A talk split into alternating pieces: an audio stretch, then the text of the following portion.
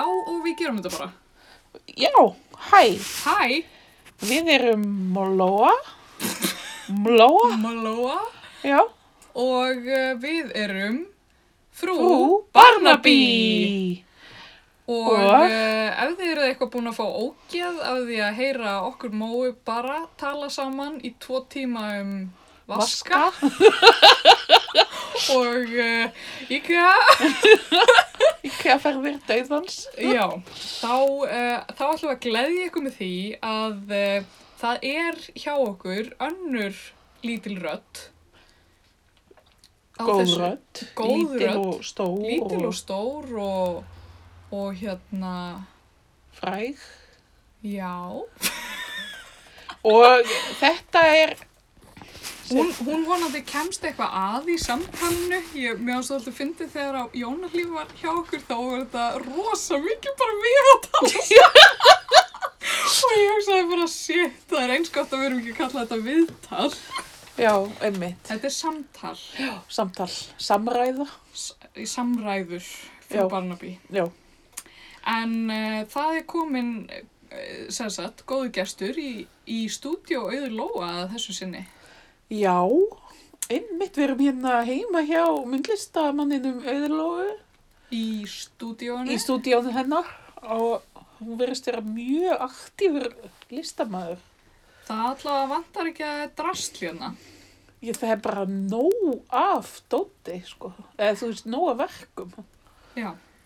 Það En við skulum nú ekki fara lengur út í það. Nei, nei, við nennum nú ekki að tala um það. Nei. Þetta er, uh, þetta er ekki að hámeringa þátt. Við fórum okkur frá því. Ég vona hins vegar að hljóðgæðin sé í lagi, bara svona skjóta því að. En Já, já, en- það hlýtur að vera. Þetta hlýtur Þetta að er vera í lagi. stúdíó. Þetta er náttúrulega stúdíu. En gesturinn okkar er, hefur það sammeilagt með okkur, Að hún hefur einnig, eins og við, unnið, á þjóðminnasafni Íslands. já, og hún var meira að segja yfirmaður okkar. Já. er það ekki áslug? Jú. Hún var svona, hvað heitir það? það? var ég. Hvað heitir það eftir hann í norsmenn? Þið kallar hann alltaf tjúftan. Já, tíftin. Hún var tífteinin okkar. Já. Og það er einmitt það sem við kallum hana alltaf. Já, Tjúftan? Tjúftin. tíftin. Já. Og uh, hún er þjóðfræðingur. Við hlýðum henni ennþá, alltaf. Já, Það Ég- er svona. já. Ef ég er óviss með eitthvað í mínu lífi, þá hef ég samband. Já. Fæ góð ráð. Uh, hún er líka jókakennari. Já. Afar skemmtileg. Já, Rosalega Ég ráðna skemmtileg. bara. Rosalega mikil prjónamaskina líka. Jú, jú. já, Þekkt einmitt. fyrir það. Já, algjörlega. Og ótrúlega þýlikar fegra peysir sem að þú ert að skella á hérna. Grammið? Já, Já. Það fer alltaf grammið auðvitað. Já. Og hún gerðist uh, mjög vinsæl hérna fyrir uh, 5-10 mínútum þegar hún eh, fa- færði okkur gjöf líka. já, heyrðu, þetta er líkast til, nei, já, Jónalíf fær okkur gjöf, en þú ert svona eina af fáum sem hefur fært okkur gjöf. Já. Já, mér fannst hérna að ég verða svolítið að stimpla mig inn. Já. Þú veist, ég er ekki, það er ekki á hverjum degi sem ég fer í heimsókn hjá hlaðvarpstjörnum. og ég segi bara alveg svo er, ég er búin að vera, ég svaf ekkert í nótt og ég var bara, ég var svo spennt, sko.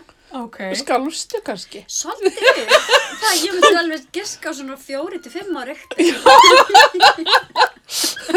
Fimm á ríktur. Er það ekki lag? Þú er fimm á ríktur. Er, það um, er það um jarðskjálf? Nei, það er eitthvað um ástu eða eitthvað. Hér er svo yfir hættir að nota ríktarskala. Akkur, Nú, Þetta er eitthvað annar skali. Alltaf verið að breyta. ok, hérna, finnst ykkur fyndið, eh, bara svo ég skjóti einu inn áður en að við kynnuði alveg formlega, jarðfræðingar þessa dagana, það er svo gaman. Ég veit það. hjá þeim. Þeir eru bara með svona Það hlakkar jarðskjálta í þeim. bónir. Já, en mér finnst bara einhvern veginn svona, ok, þið eru búin að læra jarðfræði allt eitthvað líf, getið þið ekki sagst vita eitthvað smá. Já. þú veist. þeir, eru bara, þeir eru bara svo þórólfur, já það er alveg ómögulegt að segja, þú veist, það er alltaf sömu svörin alls þar, Já. ómögulegt að segja. Já, er nokkuð tíman hægt að segja nokkuð? Það er Tíminn meðlunum verður í það. bara að leiða það í ljós. Já, Einmitt. Við munum vita þetta eftir nokkur hundra miljón ár. við munum vita þetta þegar það er búið að gera. Ef þetta verður eitthvað eins og gósið hérna fyrir 10.000 árum, að þá verður þetta svona, en ef ekki, þú veist, þetta er bara, ef ekki bara býð og sjá. Ef við ekki bara býða og sjá og það er áslög Kassata. Áslag heiður, Já. hvað satt það? Við nefnilega veljum bara Já. hérna fólk inn sem heitir sko eitthvað sem Eins. við heitum líka. Ég tek eftir því. Já, við hefum getið gert því að því að Jóna Hlíf Mm. var síðast, sko, og svo hugsaðum við, ok, hver er býttu? Já, Áslaug Heiður, hvað satt það? Já, já, já, Eins og móheiður. Já. nokkuð, við erum, við erum nöfnur líka. Já, Þið eru eiginlega sama manneska.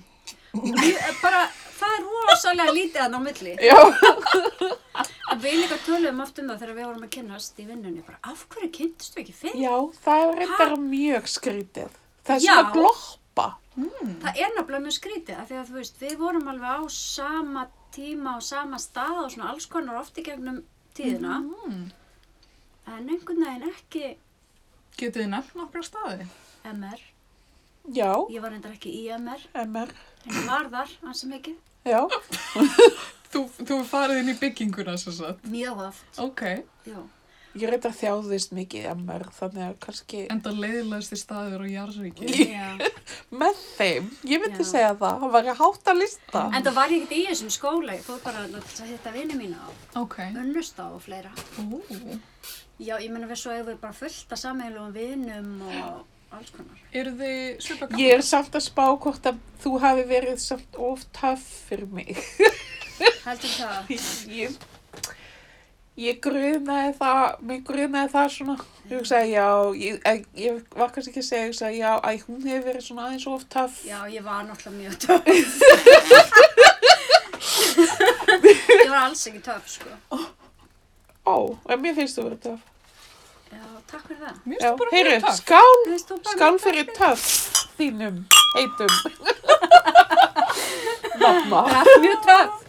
Og þið eru að drekka hérna drikk sem að ég blandaði fyrir ykkur. Þetta er C-vitamin. Ó, þetta er svo gott, Vá, sko. hvað ég þarf þetta þess að halda. Ég bara borða skyndibita þess að dagana. Veistu, Þú eru kannski að fá skilbjó en ég er að, Já, þú veist, að hérna þú að ert að kippa vinna því. gegn því. Já, Ó, svo fatt þú hugsa svo vel um einhvern veginn. já, Hindislegt. Vist þetta bara mjög góða drekkur. Já. já. Mér finnst það nefnilega líka. Ég drakk svolítið mikið af þessu.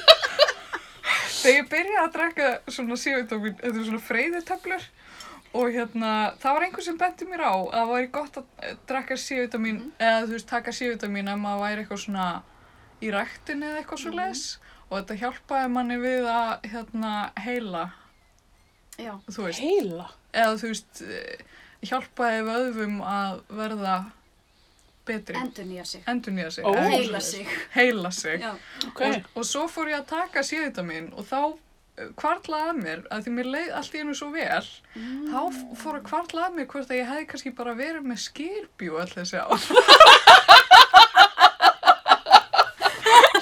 Ég- mér finnst það ó- mjög ólíklegt að þú hefur verið með skilju. Já, maður veit aldrei En ef þið líður betur, Já, briljant. þá ger ég það bara Eru þið með einhver svona, einhver svona lifehack sem, að, sem hafa svona breytt líf ykkar Já. eins og þetta með séutaminu? Já, Mm. ég er með eitt.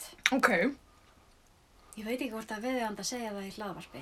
jú, Það er bara mált. Uh, fyrir, já, í byrjun janúar þá byrjaði ég að setja hampfræ mm. út á salati mitt, út á mati minn, út í grauti minn á mótana og eitthvað svona.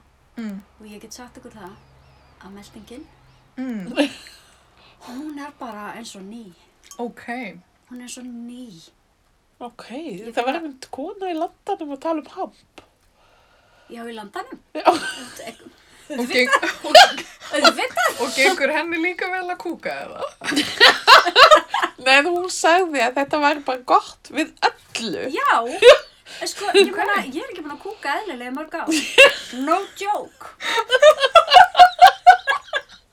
Og ég er ekki að drekka áfengi, ég er að drekka C-vitamín. Ég er ekki að drekka bull. Þetta er mitt, mitt ráð inn í 2021. Ok, ég held að þetta sé bara mjög hjálplegt Já. fyrir, fyrir marga og, Allt fræ. og bara fyrir sem flesta. Þetta er ekkert vesen að borða þetta. Þetta er ekki dýrt Mm. og þetta er ekki vond. Bara, þú veist, þetta er bara alveg win-win situation. Ok, og hvað fer maður svona í bónus? er krónunni, bónus, alltaf. Wow. Bara sem fræin og það allt er. Við þurfum að komast á, á, á þetta og hérna við getum sagt hlustundum hvernig gengur. Algjörlega, algjörlega. Já. Þetta er eitthvað sem, já. Já. En, en segðu mér nú áslaug af því að við byggjum hérna þá sem koma til okkar í þáttin að, að hérna þreita ákveði próf bara Jú, svona jú. til þess að við kynnumst þér og svona þinni, þínum innri Kjarna. mann- Mhm. Nákvæmlega. manni. Eh, Já, Vel. ég hérna, ég get sagt hvort að ég hef nú tekið þetta próf þrísvar eða fjóru sinn. ok, Af því að ég held kannski að það fær eftir hvað skapi ég væri eða eitthvað svona. aha, Ég tók það náttúrulega þarna allra fyrst þegar það kom. mhm, Og síðan tók ég það aftur upp, þannig setna, síðan tók ég það, síðan tók ég það aftur upp bara í gær. ok, Og ég var alltaf sömu niðurstöðunni. ok. Ok, byrja, ert eins og byrja, ég. byrja, byrja, ég ætla að ge- reyna að Ég var gíska. að reyna að giska. Hérna, hvað heitir hérna arsnalega nafnið á dótturinn hans? Kölli, Kölli. Nei. ég fæ alltaf kölli. Já, þú fær alltaf kölli. Um, Ertu Sara? Já. Já. Sko fyrst fannst mér nefnilega svo boring, ég hugsaði bara ég tök þetta próf aftur þegar ég er í betra skapi. Þess að bara, ég bara, eitthvað- ég verð bara að feysa það, ég bara er Sara, ég bara er svona domestic. Nei, hún er ekki domestic. Ég Nei, myndi en ekki hún er segja svona, það. þú veist, Hún er bara mjög svona ég já. vildi vera eitthvað svona morðinginn eða, þú veist, eitthvað. það er mjög fáir sem hafa verið morðingi. Já, ég Það er veit. svolítið Aðeins erfitt, sko. einn sem við vitum um. Aðeins eitt, sko. Það er hérna, uh, það er líka hægt að vera hundurinn Sykes. Mhm. Matti var hann. Mér finnst það alltaf ég að já, fyndi, sko. já, já, einmitt. Það, Já. það er svona líka svolítið happy-go-lucky Já, karakter. Nákvæmlega. En hérna, ég myndi segja að þú veist, það er ekkert móðgandi að fá Söru Nei. Barnaby. Hún er bara svona svolítið jákvæð, listræn, fyrir jóka. Já, hún er- hún er bara, það veist, það er kannski það sem fór í töðunar á mér, hún var bara of lík mér. Þú veist, bara eitthvað, ó, bara eitthvað, eitthvað prjóna og fara í jóka og eitthvað. Já, ömulegt. Hver gerir það ekki? Já, ég veit. Svo allir. Já, ég held að ég myndi ekkert vera að móðgast út af þessu, sko. Nei, Nei. ég, menna, Ég held ég hafi, ég hef tekið prófið svona 17.000 sinnum og ég er aldrei svo sama. ég hef samt nokkra sinnum verið Sara. Já, samt sko hugsaði ég alveg bara, þú veist, að því að sömur svarmöguleikarnir voru bara svo fyndnir, þú veist, ég er eitthvað svona, ó, það væri nú gaman ef að þetta, þú veist, nei, ég ætla að vera alveg stránkæðarlega þegar ég tek þetta próf. og ég var ekkert eitthvað, þú veist, ég hefði örgulega getað fengið einhverja aðra niðurstöðu, sko, ég ætla að Já. prófa það bara. Já. Ég er aldrei stráng heiðaleg. Nei, en- Er, eru þið stráng heiðaleg þegar þið takið svona gallupróf? já, Nei. ég, herði, ég, Já. Eru það að djóka? Annars, bara- þú veist, ef ég ætla ekki að vera heiðaleg þá ætla ég ekki að vera að taka þá er það bara að Það skemma tekur- rannsóknina. Það tekur hálftíma að fara í gegnum bara, hvað finnst þér um Arjón banka? Bara, ég veit það ekki. Þá, ég er alltaf með eitthvað grín í gangi þá, sko. í þú veist, alvöru? Bara vá hvað þetta er satanist fyrirtæki. Já. Eða ég hef aldrei séð þessa auglýsingu. Er það svarmöguleiki? Þetta er satanist við. Nei, ég set það í svona Já, nót. svona svona. Já, já, já, já. Eða þú veist, eða þú veist, er ég með rosalega yktar tilfinningar Já, og svo kannski er mér sama um rosalega Já. mikið. en sko ég hef aftur á móti gert þess að ég var einhvern tímann að taka eitthvað svona, einhverja könnun og það var ógeðslega mikið verið að spurða um vegi út á landi og eitthvað svona og ég er alltaf bara eitthvað á ekki við, á ekki við, á ekki við, á ekki við, alveg í hálftíma. Já. Og svo í lokin það er eitthvað vilt að bæta ykkur við. Já, það mætti kannski byrja könnunina á áttu bíl, já eða nei ég er ekki búin að eiga bíl í mörg ár þú veist, þannig ég get ekki svarað um vegagerð, kom upp í mig svona miðaldra eitthvað, þetta er nú meiri tíma en ekkur byrjaður ekki bara á já eða nei þú veist, þú veist. og var eitthvað svona uh, uh. en strang, ég er rísandi meia sko, Ertu rísandi meira? Býttu nú við, já. Þú átt ammæli.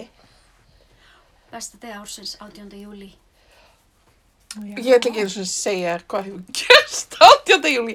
En vá, áttu ammæli 18. júli. Já, eins og Þú ert Nelson Mandela. krabbi.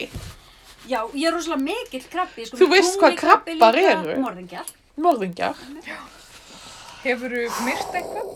Ég get ekki talað um það hér.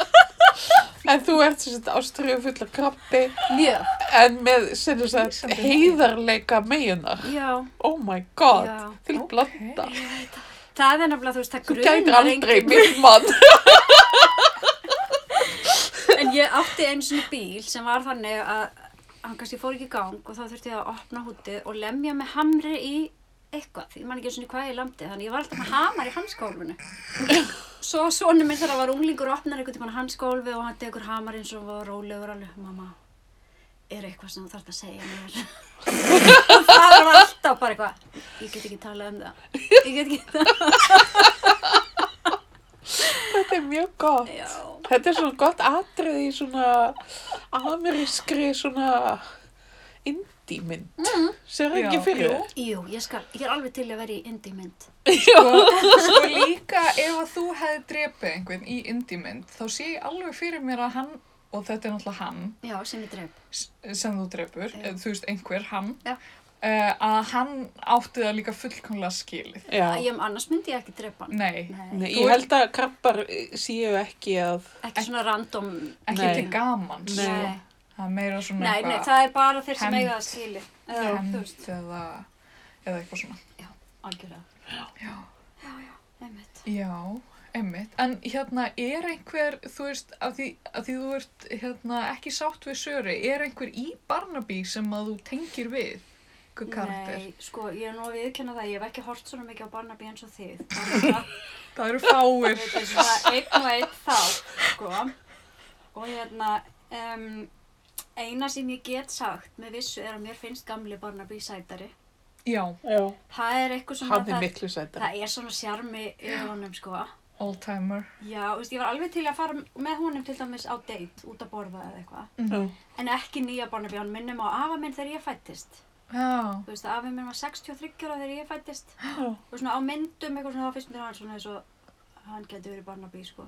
hann er líka eitthvað svona smá uppstökkur.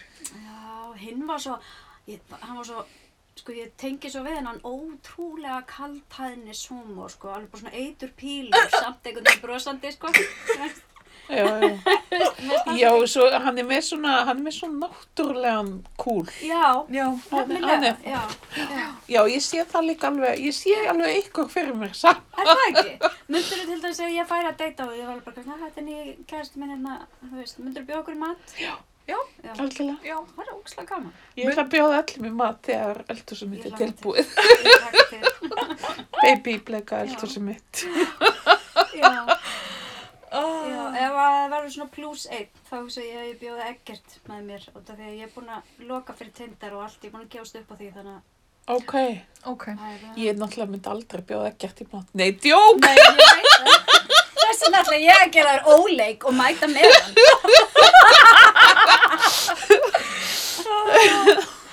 Ah. Uh, Hvað myndirðu, Móa, hvað myndirðu elda ef þú verður að bjóða okkur uh, og Eggerti já, í mat? býtti nú við. Ég, ég þyrfti náttúrulega að hafa eitthvað vegan fyrir jókakennara. Nei, Auðvitað. djók. Já. Er ekki allir, allir jókakennarar vegan? vegan og bara, þetta er bara ráfæði og, þú veist, já, auðvitað, organ, organic, organ, Organ, organ. hjörtu bara. Eru þið ekki öll alltaf bara svona í svona einhverjum hempnussum? Jú, einhvern veginn? hemmössur mikið eins og þið sjáuð á mér og, og svona með perlur út um allt og Já. fjadrir í hárinu mikið. Já, Ú. Já, Sérmerandi. ofsalega. já. Nei, já, ég veit ekki hvað ég myndi hafa. Ég myndi kannski hafa svona... Eh, eitthvað svona, eitthvað svona góð portrétt. Já. Eins og ég var nú ekki kannski Böf Borginjó, heldur meira svona Láttu Sudad, heitir einn. Súdán. Ú, hvað er í honum? Það er sko, hann er rosalega góður. Það er, en við- ég notaði fólaldakjöt í þetta. Það er, já, það er svona suður franskur, svona, já, Er það svona svipað svona hugmynd, það er svona svoðið lengi og... Já, já, já, já. Ah, geðveikt. en þú, auður. Mm. Ef ég var að bjóða ykkur um Já, Uh, ég hugsa að ég myndi gera eitthvað fiski, ok, eitthvað. Kanski, sem þú hefur veitt sjálf sjálfsögðu. og- já, já, og tekið hann og bitið úr honum líftóruna. já, Svo mikill vilja maður. vitið þið, sko, eh, nú hef ég mig í saltan sjó, svo fram hefur komið uh, og á alveg gríðalegt magna af þorski í, hérna, í fristikistunum ömmu minnar. Já. Uh, endilega ef, þið- ef ykkur langar í, þá hérna Mm. get ég húkað ykkur upp. Áslög, ég er að horfa í áttuna þér. Móa er þegar búin að fá kassa. Ég kannski er að búin að fá- blikka þig. En hérna, en já, ég hérna, þetta er fiskur sem ég á starki veitum og hérna, og, og mér mér finnst þetta svolítið áhugavert. Ég, hérna, ég og Áslög vorum nú að tala um þetta aðan. Ég hefði ekki ímyndað mér að þetta væri eitthvað sem mér myndi finna skemmtilegt. En Að veiða fisk. Já, og hérna, en mér finnst þetta bara nokkuð gaman og, og sko þorskfiskar eru líka bara svo skrýtnir af því að ég sko veit ekki fyrir en, eh, ég veit ekki hvort að ég hafi séð kannski svona lifandi þorsk Nei, einmitt. fyrir en bara Já. ég veit hann og þeir geta orðið svo ógeðslega stórir, þeir eru bara, þú veist, svona stórir, ég veit að þetta er hlaðvarp. En, En- sko, mér finnst þetta líka bara besti. Ég var um þetta að segja, ég nefnilega var að borða þorsk á það. Ok. Mér finnst þetta langt besti fiskurinn. Já, Hann, já, oh my god, þorsknakkar. En ég veit einu svona urriða. ok. Varð rosalega, hann var svona, hvað, ég veit ekki hvað stór, allavega mjög lítill. Ok, Og ég var sem sagt ólétt að dóttir minni þegar ég var að veiða hennan fisk. Og ég bara, ok, ég veit hann og ég vissi ekki hvað það gera. Ég var bara hjálpa, þurfti að hjálpa mér að draga hann að landa og allt þetta. aha, Svo var hann grillaður hérna um kvöldið í sumabústað. Og þá var svo mikil tilfinningasemin í mér að ég gæti ekki borðað hann. oh, Ég bara, ég vissi bara einhvern veginn hvaðan hann kom. Og ég Já. bara, einhvern veginn, ég borðaði bara kartöflusalat. Í alvöru? æj, Þú eru glæður besti fiskur ever, sko. já, þeir eru nefnilega mjög góðir, þeir eru litlir, sérstaklega, svona silunga, silunga. en ég hérna, en ég verð að segja sko, mist, já, mist eitthvað aðeins öðruvísi þegar það er, þú veist, silungur, þeir eru svona minni og svona kannski eitthvað, Mhm. maður getur ímyndað sér að þeir séu tilfinningaveru kannski. Já. En, en sko þorskur aftur á móti, þeir eru bara eins og einhver, einhver svona stykki úr gennum og þeir, þú veist, augun í þeim er einhvern veginn ekki að horfa á neitt, þau eru bara eitthvað, Stikki og geimnum. Svo gett brjálaður. þeir eru ótrúlega skrýtnir og svo eru þeir svona risastórir og svona skrýtnir á Já, Mhm. já. litin og, og sko, og af því, eh, nú veitum við bara á svona sjóstöng og hérna þá lætur maður þess að þetta er bara basically öngull sem maður lætur detta og, og dregur svona einhvern veginn á eftir bátnum og hérna öngullin fer bara einhver, einhver staðar í bátnin Já. uh, á sjónum og þanga til að það er einhver fiskur sem býtur á og hérna maður dregur, dregur hann upp S- svona virkar það Já. en, hérna, en stundum er að segja veiði maður þorsk bara þú veist, öngullin bara önglast einhvern veginn í hann og maður dregur hann bara upp einhvern veginn bara á Það er bara eins og að séu þarna í einhverju rúu og... ég veit ekki alveg hvað þeir eru að gera stundum er bara öngullin einhvern veginn í rassinum á þeim og þú veist, ég veit það ekki þetta er, Það var ég að skjálti. Fannstu það? Var núna? er það? Ég fann Ok, ég sem sagt er búin að komast að því að ég er næmasta konan í Reykjavík fyrir jarðskjáltum. ok, Það hlýtur að vera. Þú ert alltaf eitthvað bara... Þessi var 2,7. Þessi var Ég bara, ég er búin að þróa, þetta er svona ofurkraftur, ég er búin að þróa með Já. mér ofurkraft Það er eitthvað. og ég finn jarðskjálta þegar, kem, þegar strætó fer fram hjá. Já, ég finn það oft líka. Já, fyrir ekki að, eiginlega ekki að grípa fram í. Nei, ég, ég var alveg búin um söguna sko. Ég var ekkert að segja neitt áhugavert til að byrja með Já. kannski. En sko talandi um jarðskjálta, ég verð bara aðeins að tala um þetta vegna þess að við erum að sofa þarna í stúdíu bara þetta Bibi Risi Mhm. Mm. og það finnum maður ógeðslega vel Já, Mhm. fyrir jarðskjáltanum og hérna í nótt, ég held að það veri í nótt, það bara færðist svepsófin til já, með alveg. okkur ofan á Vá. og við, við vorum bara eitthvað, í, í rosalega langur þessi. Ég bara, ég er að missa af öllu. Hvar, hvar ert þú? Já, þú, ég held, kannski finnast þér ekki að vel upp í árbæ. Nei, ég, svo heyrði ég hérna í útvarpinu í morgun og talaði um að einhvern sem, sem sagt býr í breiðholti finnur aldrei fyrir þeim og ef við erum með eitthvað verðmæti þá skulle við fara með upp í breiðholt. Ég bara eitthvað, mm, já, er það? Öll verðmæti við breiðholt. En, en það er eitt sko gott að því nú er búið að vera að tala svo mikið um hérna eins og Já, stíplast ártúnsbrekkan ef allir ætla að fara úr bænum, skilur, ég býð fyrir ofan ártúnsbrekkan. Ú, Þannig að ég þarf bara að hoppa út í bíl og bruna á stað, þú veist, og svo er ég bara eitthvað, að ég er komin, vinnarinn. Já, En ég er ekki trætt, sko. nei, ok, ég er að deyja. Ég held að ég þurfi áfalla hjálp. já, Ég er alveg þar. Ég er eins og, veist, ég hef ágjörð að því að krakkarnir séu með eitthvað fyrir ofan rúmið sitt eða eitthvað, svona, þú veist, eitthvað svona, en ég er ekkert með ágjörð að mér, sko. mm. Þú veist, ég er búin að vera til svo lengi. old news bara. En, en, en þú, Eðurlóa, þú er Ég, nú unga kynsluðin í þessu hlaðvarpi. já, sem fulltrúi ungu kynsluðunar. Uh, já, ég veit bara ekki alveg hvað skal segja, sko. Ég mist þetta ekki þægilegt, en ég upplifi samt ekki rum, eða þú veist, mikinn ótta heldur. Þannig að, en, þetta, þetta er náttúrulega mjög sérstakt af því ég, mena, ég man ekkert eftir því að, þetta hafi, að ég hafi upplifað einhver svona jarðskjálta dag eftir dag eftir dag eftir Nei. dag. Já, bara klukkutíma eftir klukkutíma. Já, einmitt. Og svo er ég sko, ég, s- man, fyrsti skjáltinn þá var ég hjá mömmu og einhver franskurð fer eitthvað þvílíkt að blakta og hérna, og ég ringi, sem sagt, fyrst af öllum þá ringi í smiðin okkar, spyr hvort það sé í lægi með hann, Jesus, já. svo að setna um daginn heyri ég í dóttu minni og segi, er allt í lægi, er þetta eitthvað ræð?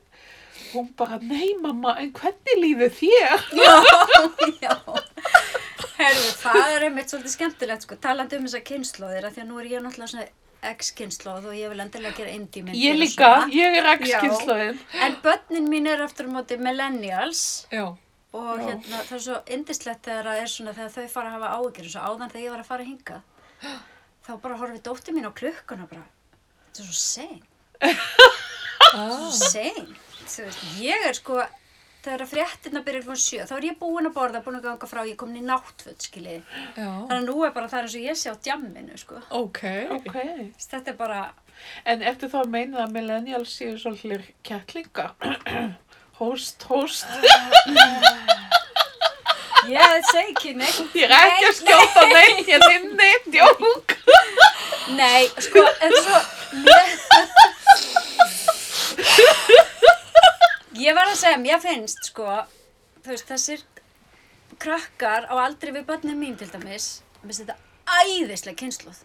Mér finnst þetta æð, mér finnst þetta bara alveg frábært ungt fólk sem við eigum. já, Móa, Já. já. En mér finnst þau Já, samt sumir kunna met okkur. Mér finnst samt svolítið fyndið að þeim finnst Nú, breytist eitthvað hljóði. það er eitthvað verið að draga í land núna. En... Þau halda að þau séu besta kynnslóðin sem uppið að verið. Ég er ekki sammál því. Augljóslega. Já, kannski svolítið til í því að, að þau haldi það, en ég veit það ekki svo sem, Nei. ég þekki ekki svo marga. Jók. Já. En, En sko, sem ég- sko, sagt, já, bönni mín þeirra setu yngstu kynslu. sko, Já, einmitt. Þau eru vist eitthvað pínu svipa x-kynsluðinni. Ég veit ekkert um hvað setukynnslóðin Nei. gengur. Eða, þú veist, Setukynsluðin hvað- gengur út á það að þau fá allar sína fréttir af samskiptamiðlum. Já, Nei, seit- heit, sam, heitir þetta sam, samskipt? samfélagsmiðl. Já, Samfélags- samfélagsmiðlum. já, Og einmitt, TikTok. einmitt. Já, Það eru svo mikið. þannig að þetta er, þú veist, þau eru ekki að lesa endilega rít, ríndar fréttir. Ok, Nei. er það málið með þau? Það er svolítið málum með þau. Og nú getur þú farið að segja þér, þetta Já. unga fólk í dag. Og þau, þau eru alltaf þarna svona í svona gráum joggingbuksum. Það er svolítið, svolítið að því, já. Mm. ok. Stelpunar, ég mitt, hérna séu oft ungar stelpur á gangi einhvers staðar og þá hugsa ég oft, oftar en ekki, er þetta dóttir máu? Nei, þetta er bara einhver stelpa. Jú, Sem svo er- er, þú veist, það er Já, allar já, já. eins í sínum stóra Úrpum, úrpum, með í sínum, þú veist, jogging, og hvítum skóm Já. eða eitthvað og þú veist, ég sé oft eitthvað svona, sv- ég kalla þetta sverma já, þetta Af- lýsir þessu mjög vel. og þeir einhvern veginn reyfast ekki trúslega hratt Nei, og svo þú segir, já, er, er eitthvað á mínum hér? Nei? Það er eitthvað nýjur. en þetta er bara, mér finnst þetta svo yndislegt, af því að þetta fylgir náttúrulega öllum kynnslóðum. Það er alltaf í öllum eitthvað svona, ó, allir eru svona, allir eru svona, eða eitthvað. já, En Svo að því að ég vinn við það að hjálpa konum að velja gat, Já. meðal annars, að þá hérna, þá heyri ég stundum svona, "Oh, ég get ekki notað þetta þessar ungu konur í dag, það er nenn ekkert að þvo og ég er alltaf bara eitthvað, ha? Hvað meinaru? Hva- Það er nenn ekkert að þvo í höndunum, bara, nei það eru eiga líka bara fína þvottavél, þú veist, já, eða eitthvað svona, já ég skil ekki þessar ungu konur, þær vilja bara eitthvað brúnt og eitthvað og ég bara eitthvað, byttu ég var í brúnu þegar ég var lítil þetta er kannski tíska Já. og annað sem fer í ringi, sko Já. þetta, þú veist, mér, mér fær svo í taugarnar á mér þetta ungu konurnar í dag já. Úlala. Vafonó Ef ekki að gæða okkur aðeins á Jú. þessum litlu páskaeggjum. Herðu, það er náttúrulega málið að fá málsátt Já. Gerum nýr það. málsáttur stöpur Úhú. málið að fá málsátt Ræðilegt. Þetta, þetta er ykkar kynslu. Ykkur finnst þetta fyndið. Ha, En sko, þú finnst gaman að því. ha, gaman, ha þessu getið leiðið En ég held, ég veit ekki, ég, ég, þú veist, hefur þú heyrt eitthvað kosti við x-kynsluðinu? Aldrei. ég get alveg sagt þér marga kosti um ekki skilslan Eða það?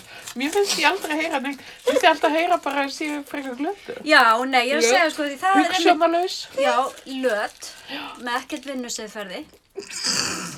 Já. Já, Já. Ég hef unni með ykkur báðum, sko. veitu, hver var yfir hverjum? Ég, Nákvæmlega. ég stjórnaði öllu undir borðið. Ég hljótið að vita það. Ó, Jésús, hver ætlar að lesa málsátt? Sá er sæll er sínu ann. Passa vel við Já. framkomum mína í þessum þætti. Nákvæmlega. Hinga til. Sæt er ávinningsvonin. Ég sem þjóðfræðingur ég átta mig sigra það. Jafnir baggar fara best. Já. Það er ekkert annað, Hvað þýð það? það veit ég ekki. Ef þú ert með tvo bakka á hestinu þínum, Já. Þá- Það dræði sig jafnir. þú Já. vilt ekki að hesturinn fari bara alltaf til vinstri. Nei, það var í leðilegt. Já, það er betra að hann að fara til hægri. Ég var að hugsa þetta nákvæmlega sama. En segir mér, Áslaug, eru þjóðfræðingar, sérfræðingar í Málsáttum. Sumir sem að hafa sérstakar áhuga á málsóttum. Annars eru bara þjóðfræðingar eru svo alls konar? alveg rosalega. Svona svolítið eins og listamenn. Þeir eru bara alls konar.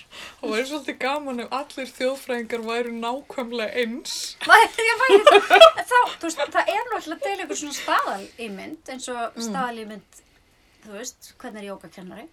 Þjóðfræðingur er, var mér eitthvað tíma sagt, í lopapessu Já, með svona kaffe á brúsa. á já, ert þú ekki alltaf þannig? Alltaf. Nema þegar ég er að kenna jóga. jóga. Þá þarf ég að skipta um búning. Þá fer ég musuna. Mikið á verið í mussu. Já, og fæ mér tófu. Já, þetta er svo listamenn, við erum alls svo svona free spirits Já. og lútum engum reglum, Mm. svolítið mikið í kaffinu líka en hann er ekki, eh, þú veist, kaffið er ekki í brúsa, Er það meira svona latti eða? það er latte, Já. Já, þið er ekki mjög vinnusum. Nei. Nei. alls ekki vinnur sko. Sem er eiginlega öfugt við þig. Ég, ég, Getur þú talist listamann? Þarf þú ekki bara að skila þessu skilti? já, ég hugsa það, ég hef ekki lært nóg í skólanum. Já. Mm. Já. En Já. hérna, frá allt hérna pæli sko að þegar ég er að fara að fá barnabarn, hvað kynnslóð verður það? Býttu nú við. Heyrðu, ég ætla að googla það. Það er nú spennandi. Ó, hvað þetta var eitthvað við henni. Áslaug er að verða amma Áslaug. Til hamingju. Ó, takk, takk, takk. En dásamlegt. Veistu, Kynnið? já. Mm. Það var stúlka. Like the best. Ég veit. Það var, hérna, þau facetimeðu mig þegar þau voru búin að vita kynnið sem sagt og, og ég voru alveg, ó, pínu lítil píka. Sónu minn svona eitthvað, já, já, mamma, ok. Býtu Generation Alpha, Ó, sýnist mér. eru það brálega frekur þá eða? Já, já. Nei. Ekki, alfa. Það er svona, Líters. já. Já. Það verður kannski kynnslóðan sem bjargar heiminn. Já, ábyggilega. Við þurfum einhvern til þess að bjarga þessu öllu saman allavega. Já. Ekki gera Gen X það. Letingjarnir? Leti ekki. Nei. við en bara hvað eitthvað- gera millennials þá? Þeir bara tala í kaltænum tón Um um eldri, X-kynnslóðina um eldra fólk. Já, um mig. og þykjast þeirra betra en þau. Já. Já, og finnst þér ég ekki ljómandi góðið í því? Jú, reyndar. það er, þetta er svona, það er svona kynnslóðastríði uppsiklingu í Já, frú Barnaby, já, síns við. kannski. Nei. Við hefum ekki unnið nú mikið með þetta.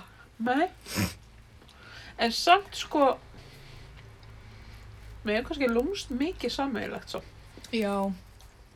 Við Þau- búum náttúrulega bara alltaf á jörðinni. Nei, sko. Oh my god. til að Lóa. byrja með en sko þetta er náttúrulega ekki svona klift og skori svo er líka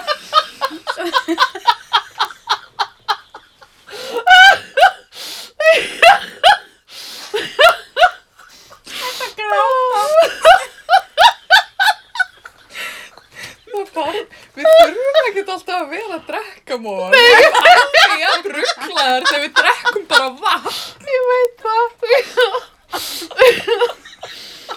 Þú ert að tala við konu sem er ekki sofið í marga nættur, sem er buguð í framkvæmdum. Þarna og var, skjáltarhæslu var þetta ekki skjálti? Var þetta skjálfti? nei, nei, nei. Nei.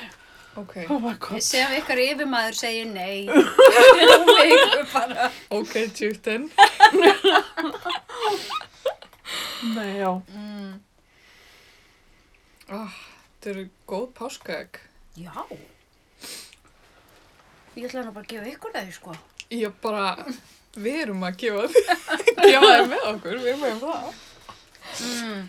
Finnst ykkur ekki, þú veist, búðir vera orðnar ósla bírafnar þessa dagana? Mér finnst ég byrjaði að sjá páskaegg bara í svona útstillingum um meðan sko februar. núna hljóma þú svona eins og þú sérst að búmerkynnslóðinni sko. Já, Já. ég veit það, sorry. Heyrðu, sem minnum á það að skotarnir þeir voru rosalegir í þessu. að vera snemmi í því Já, Já. sko það er, það er þannig að, sko það er, Halloween byrjar bara tíman í ágúst já, í búðum. mm. Svo leið og Halloween er búið, bara næsta dag kemur jólaskröndi. Mm. Já, Svo bara á annan í jólum fyrir allt á útsölu ok. og þú veist, hérna, Það var bara páskarnar. hvað heitir aftur, hérna, valentínsadagur. ós Ah, Og svo, þú veist, eiginlega bara á sama tíma koma páskaegg. ok. En mér fannst þetta Brútal. einmitt núna, þú veist að ég fór í búðina á annan í jólum og það var komið gamláskvöld, þú veist, þú Já. veist snakkið og allt var komið út um allt. Já, Og einmitt eitthvað bara 13. og það er komin páskegg. já. Þú veist það er bara eitthvað, við verðum að reyna að selja eitthvað, við verðum að reyna að selja eitthvað.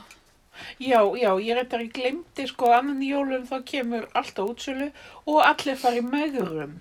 Á annan í jólum. Já, þú veist það er allir að selja, mann, þú veist, rjóma og smjör og eitthvað og svo bara, já, já, þú veist, bikini er fyrir sumarið. Ég minn einu mamma er ekki einu svona klára jólatöfni. Eitthvað lög, hvað með ísinn og allt. Það er ekki búið. Enda þessu bara, beint í rusli. Já, En hérna, ég er með eh, smá vangaveltu þar sambandi við Barnaby þáttinn sem ég horfði á. Já, ég Ah. ætlaði einmitt að spurja þig. byrju hvaða þátt horfður á? Ég nefnilega þarf að, að játa svolítið klaufagang því að sem að ég er nú miðaldra. Að Ég fann Var þú ekki... erfitt í tölvunni Það eitthvað? var eitthvað, það var eitthvað erfitt í tölvunni. hjá Bara mér. rístarta. Ég held að, ég held að það hafi verið tölvan sem var eitthvað bíluð og ég, það var svo erfitt að finna þess að það sem ég gæti hort, sko. Mhm. Og á endanum þá fann ég eitthvað því ég var náttúrulega að leita að þætti það sem að jóka kæmi við sögu. Já, Se, sem eru all nokkri langar maður að segja. Já, og Mjög ég, skemmtilegt. það var þarna einn bara sem ég datt inn í og þar var jóka í gangi og svona nema hvað að þegar var svona fimm minútur eftir þættinum þá hætti þátturinn og það byrjaði, byrjaði einhver að ég held sko serbnesk kvikmynd Ó, þannig að ég veit ekki hver var morðingin ég hef Byrju, Byrjaði grunnsendir bara að senda Já, það bara allt í hennu bara hætti og þú veist, þannig ég veit ekki, ég verð spáði hvort það hafi bara verið svona gömur VHS upptaka sem einhver átti Ó. heima á sér eða eitthvað. Ú, en hver var morðingin í sendesku myndinni? Ég, sko, ég hætti fljótlega. Ég hætti fljótlega, sko. Það var bara einhver svona gamall maður með geitur einhver staðar upp í fjallslíðu. Kanski, kannski var þetta bara svona home video, kannski var þetta bara eitthvað sem Já. einhver átti af afa sínum. Já. já. Var þetta alveg þannig quality? Á, Já, þetta var bara alveg hryllilegt quality. Ok. En Barnaby var alltaf í lagi, svo kom bara eitthvað svona ræðileg quality. sko. Þetta var bara eitthvað, þú veist, þetta er bara eitthvað í tölvunni, Já. vírus. Bara, ó, afi, af hverju, af hverju tókuðu yfir myndin, Já, Barnaby nákvæmlega. myndina? Þú veist, þá kemur amman bara, já, ég vildi taka mynda af að þínum að Já. gefa geitunum. Ég var eitthvað sem er búin að sjá hennan þá. Sko, þetta, þetta er eitthvað sem ex-kynsluð mann. Ég get Já. sagt ykkur þvílíkar sögur af, sko, dramatíska sögur af því að maður tók upp mynd Mhm. í Og sjónvarpinu. eitthvað tók yfir hana.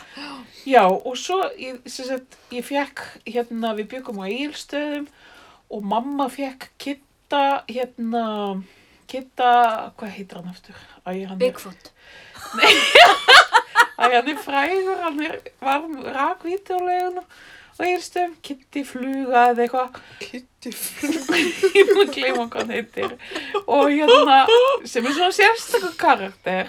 Mm. og hérna til þess að taka upp allar fransku myndir sem komu í, Já. í á rúf Ok, af því að það var eina leiðin til þess að nálgast þessar myndir ok. þarna í fornöld og hérna og hann tók upp mynd sem er úlingamynd sem ég held mjög mikið upp á Ok. La Boom sem Sophie Marceau leikur í og þetta er bara besta mynd í heimi, ég mæl með henni, fimm stjörnum Er hún í tölvunni? Finn ég hann í tölvunni? núna, en allavega þá hérna, ég get sagt þér hana og var þá Ah, þess yeah. Heru, ok, svo þú veist, ég, þetta var eitthvað við áttum nokkra vídeospólur þetta er eina af þessum fimm sem ég bara horfi á við stöðlust Og um hvað er hún fyrir ekki?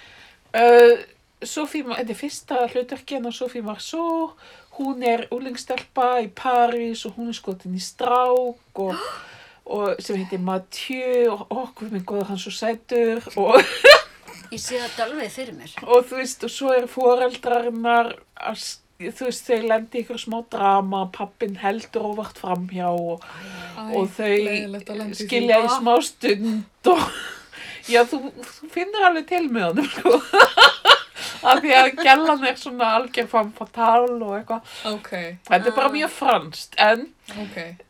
það sem svolítið fyndi að vegna þess að ég horfi núna á þessa mynd með stelpunum mínum og þá tengi ég svo miklu betur við fóran Já, já, þetta er skrítið, þetta breytist.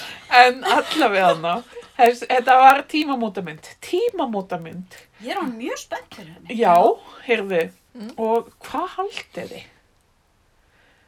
Einhver vinkona mín fekk spóluna lánaða og hún tók yfir hluta af myndinni með hérna, svona í Skon- pappinar var að taka upp mynd á rúf. Hvað heitir aftur, já, Blue Velvet. Ok. Þannig að það kemur smá labúm og svo kemur allt í einu Blue Velvet. Ah. Ég ætla að segja ykkur það að ég hataði David Lynch í mörg ár Út af þessu. og ég Eðlilega. neitaði að horfa á þess að helvitis Eðlilega. Blue Velvet. Já.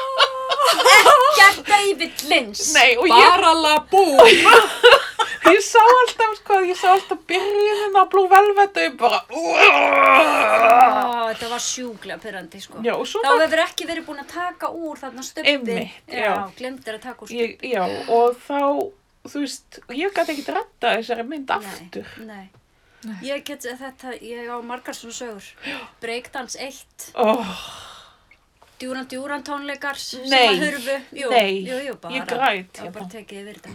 Bara tekið yfir þetta, svo ekkert sé. Já, The Audacity. en, en fæ ég þá að vita hver er morðingin, hérna, Já. Barnaby Encyclopediur. Sko, þú þarft eiginlega að lýsa, byrja að lýsa þetta áður en ég get sagt ykkur um morðingina. Ok, þetta er sem sagt tátur í mig minnir, þetta hafi verið 21. seria, sko. Ok, þetta er En, nýlegt. þetta er sem Nú. sagt nýju Barnaby. og það er Tom, eða John, John. John. Frandi. Allavega, eh, já, þá var hérna, Sara byrjar á því í þáttunum að vera að tala um það við Barnaby, hann þurfi nú að fara í jóka og ég bara, ég skal bjóða hann um í jóka.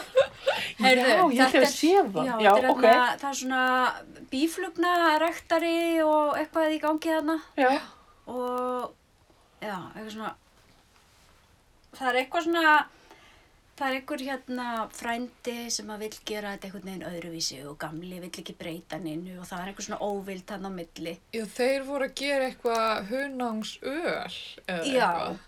hinn vildi bara hunangi væri bara notað eins og það var alltaf verið notað en hinn var eitthvað svona experimenta og Já. eitthvað svona, þú veist. Já, ungi frændin, hann var, já. Og svo er þarna þú var hinn hans jógakennari. hátíð eða? Nei, það var engin hátíð. Nú, ok.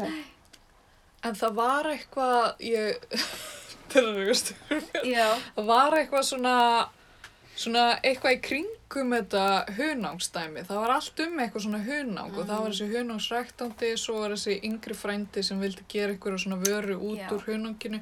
Svo var eitthvað svona eins og wellness center, eitthvað svona bíflugna wellness. já, það var hann sýstir gamla mannsins, hún var Já. hérna með einhverja sápur og eitthvað og þar var einmitt þessi jógakennari fekk að vera með einhverju jógatíma þarna hjá henni, sko. Já. Hún var eitthvað búin að vera að búa til sápur og eitthvað svona. Já, og það var hægt að fara í vaks, Já, láta vaksa á Já, sér einmitt. fætuna og eitthvað með bí, bívaks. Já. Og þar er þessi jógakennari sem að sko, ég svona hugsaði að hann er nú ekki allir það sem hann er séður en þú veist, með grunar hann um eitthvað en ég Aha. veit ekki hvort að hann var morðinginn en hann var svona, hann var svona, hann var alveg svona úber slepjulegur fannst mér.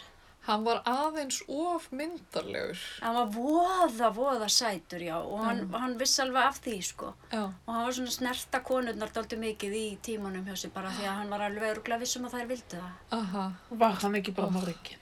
Veistu, ég held að hljóta hann er að vera. Jókakennari. En eh, hérna, ég ætla bara að draga ykkur aðeins á asnaðurum áður en Æ, ég þú er segi svo ykkur, mikið kvekendi. áður en ég segi ykkur hver morðingi var. En samt, já, það er samt oft er að augljósa manneskjan er ekkit endilega morðingin. Nei, Man, man er rosalega Nei. illa við hann og þess að æ, þetta lítur á morgin, svo er það ekkit hann. já. en sko þegar ég var í, í sóttkví í vetur og ég sendi mitt á þig Já. eða ykkur, ég man það ekki, hvar ég geti hort á Barnabíu. Þá horfði ég bara, þá horfði ég bara á fyrsta þáttin í fyrstu seríu, bara gamli Barnabíu og eitthvað. Og bara eftir fjóra myndu þá vissi ég hver var morðingin.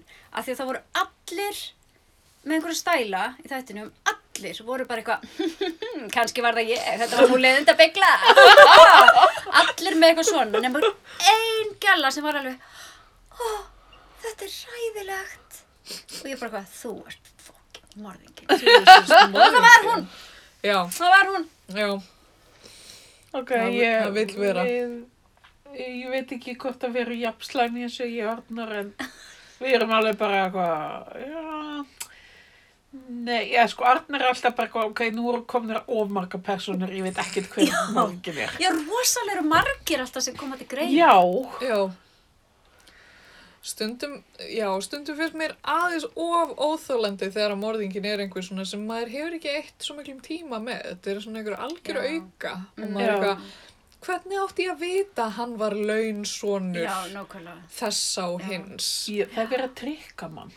Já, mér finnst það aðeins svo ósækjandi, sko. það er bara, það er bara svona stundum eins og þessi svolítið verið að draga mann á astna eirónum Já, en hvernig var hann þessi jókakennari? Hann var, var hann svolítið svona spiritual, eða þú veist? ó já, hann var svo spiritual hann var nefnilega svolítið svolítið sko Já, var hann að hugleiða?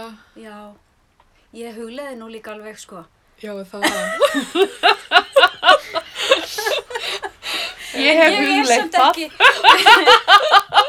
hann var svona típan sem að þú veist, ef þú hittir hann einhver staðar, þú veist að þá er hann alveg þú þarft að anda djúft þú veist, maður gerir ekkit svona við fólk út í búð eða eitthvað, patti Já, já, rosa svona, já, innilegur. hann var ofsalega mikið í þeim karakter að vera jókakennari og það allir vissi að hann var jókakennari sko.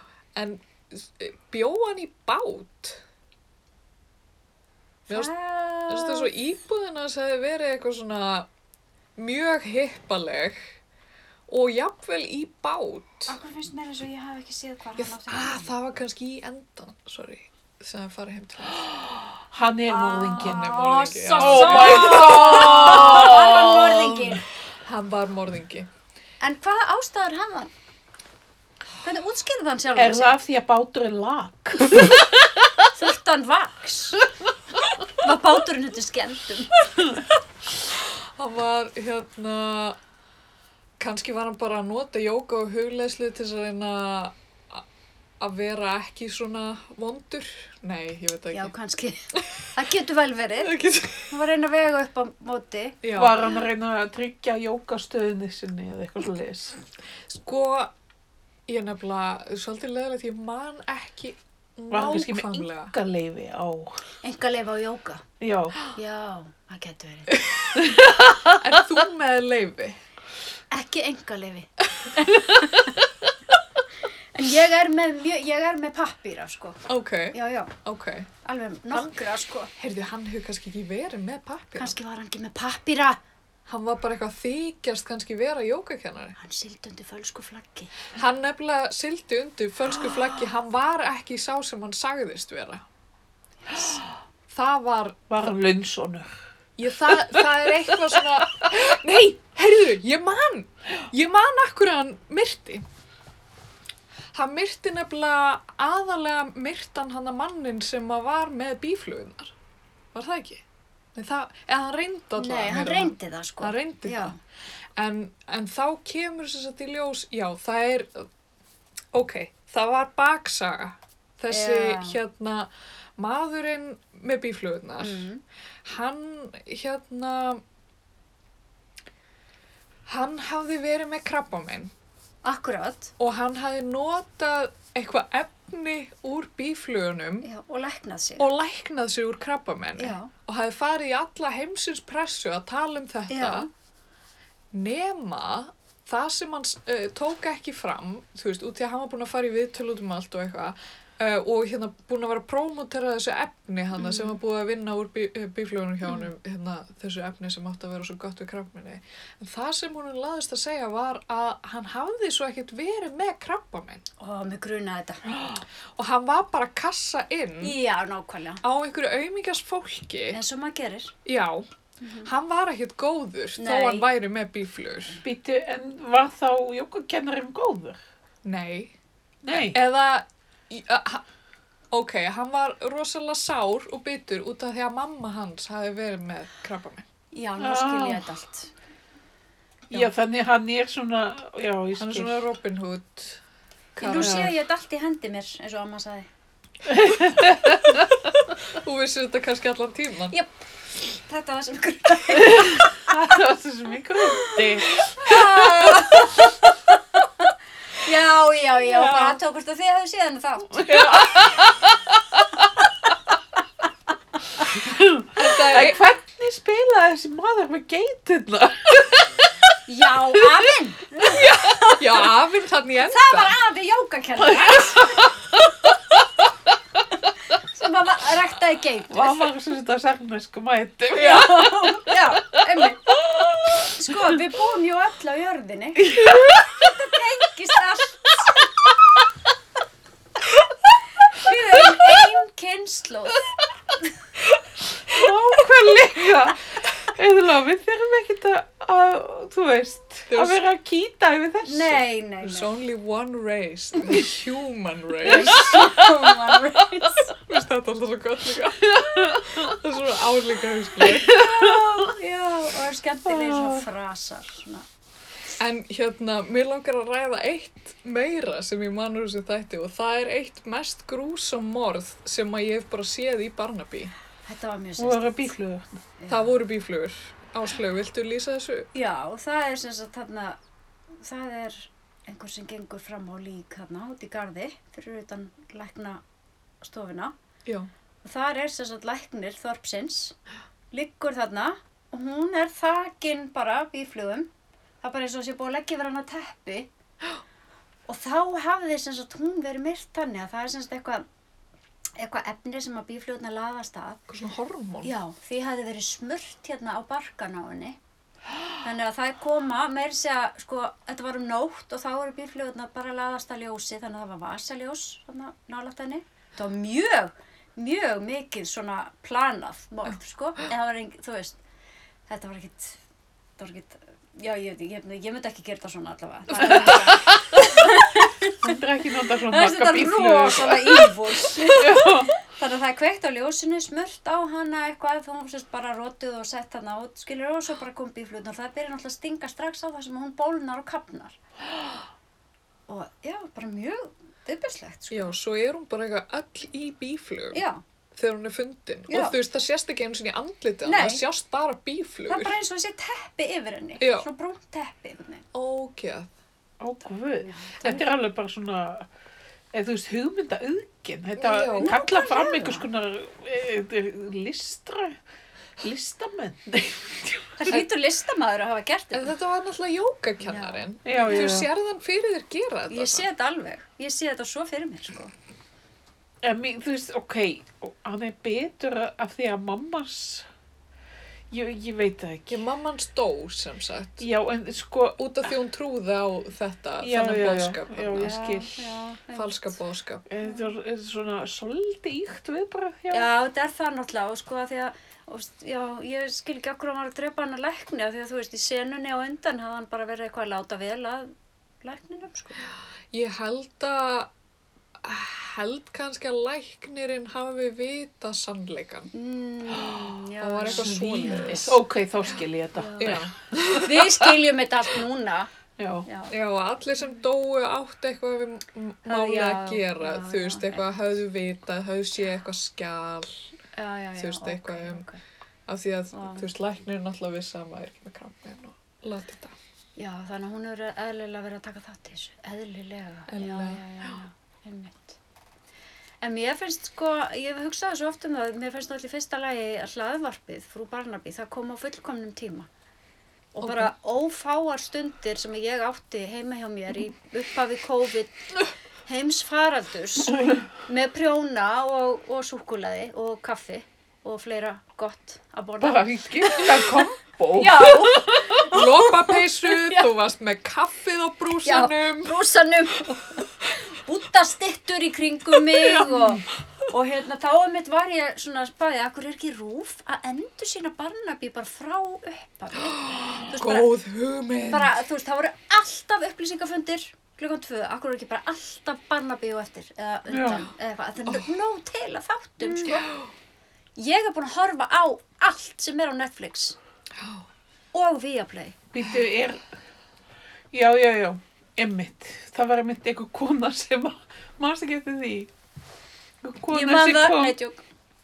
sem kom og sagði, af hverju er Barnaby, já Barnaby ekki á net, Netflix? Já. Eitthvað svona. Barnabé! Hún hefur verið boomer þessi. Já. Við erum að tala um kynslu. Akkur Hún var er ekki... boomer, já. Akkur er ekki góðir þættir eins og Barnebey? Er þetta kannski í tölvunni? Já, þetta, uh, hún kann ekki að finna þetta svona í tölvunni. eins og þú. Nei, kannski er hún ekki með svona fartölvunni. Nei. Sá. Nei, já. Já, Þannig að, en- já. já. Það, það þyrfti að vera að sína meira af þessu, sko. Það mætti alveg taka það svolítið Já. til skoðanar, sko. Já, sko, áður að ég kynntist auðlóið, þá horfðum við svolítið á Barnaby. En sko, þetta var bara helgardæmi Já, hjá okkur, þú veist. Þetta var yfirleitt á föstudagskvöldum. já, já. Arnar kom seint af vakt og, og hann pantaði pizzu og við vorum eitthvað bara að há lúinn og eitthvað svona. Mm. Og hann reyndi að sofna alltaf, en þú veist, þetta var bara eitthvað svona ótrúlega notalegt. Það er eitthvað við þetta, sko. Já, og svo kynnist ég Þulói og þú þú alltaf að segja mér á safninu, bara eitthvað, já, ég var að horfa á Barnaby og ég bara eitthvað að horfa á hann og bara býti, halló, það er þriðið dag. Þannig kynslaðamunur, þetta var svo frábært moment. Þessi móa var bara eitthvað, veitu hvað er þetta að horfa á þetta? Það er bannað að svindla, sko. Þess bara, bara hvern, eða, og bara skildi ekki hvar, bara Nei. hvar, Á þriðjudegi? hvern? Þú, ég sé það svo fyrir mig bara. Á þriðjudegi? Við að ganga fram hjá okkur um fjölum. Já. Skildi ekki neitt í mér á internetinu. Í tölvunni? Ok, nú finn ég skjálta. Fannst þú hann? Nei. Veitu kannski, alla hafa fæturnar á jörfinni. En hvað með, er ekki bara, þú veist, er ekki bara stóllin, er ekki bara, þú varst að hlæja? Máttu Nei, ekki það var ekki það. Kannski þetta bara með sjóriðu. Ég Já. er með sjóriði. Heyrðu, fólk er svolítið að tala um þetta. Já. Ándjóks og líka eh, sérstaklega fólk sem er kannski að vinna upp á fjóruðu hæð einhvers staðar er bara hálfa eitthvað rásandi í vinnur. Hérfi, Já. ég var í IKEA, aldrei sem var. Nei. Nú, Erðu, ég var ykka þegar það kom í afskjátti síðustu viku. Já, það- ég var í það IKEA. Það hristist allt Já. húsið og, Og rammi bara dunda. Já. Og ég segi eitthvað við, ég, sér ég tala við gaurinn hann í eldhústildinu og ég segi bara, ok, er stöðugur jarðskjálti eða hvað er að gerast? Já. Og þá segir hann, já sko, húsið er líka á reyfingu. já. Ég bara, já, það er jarðskjálti og húsið er líka á reyfingu. Er þetta svona hoppukastali? Ég Líka. skildi þetta ekki, ég bara eitthvað, spurði ekki meir. Finnst mér svo að fólk sé að gera grína mér þessi dagana. Ha. Húsið er á hreyfingu. Ok. Hvert er það að fara? Þið vitið að allt er alltaf á hreyfingu. Það er nefnilega málið. Er einhver tíman einhver alveg kjur?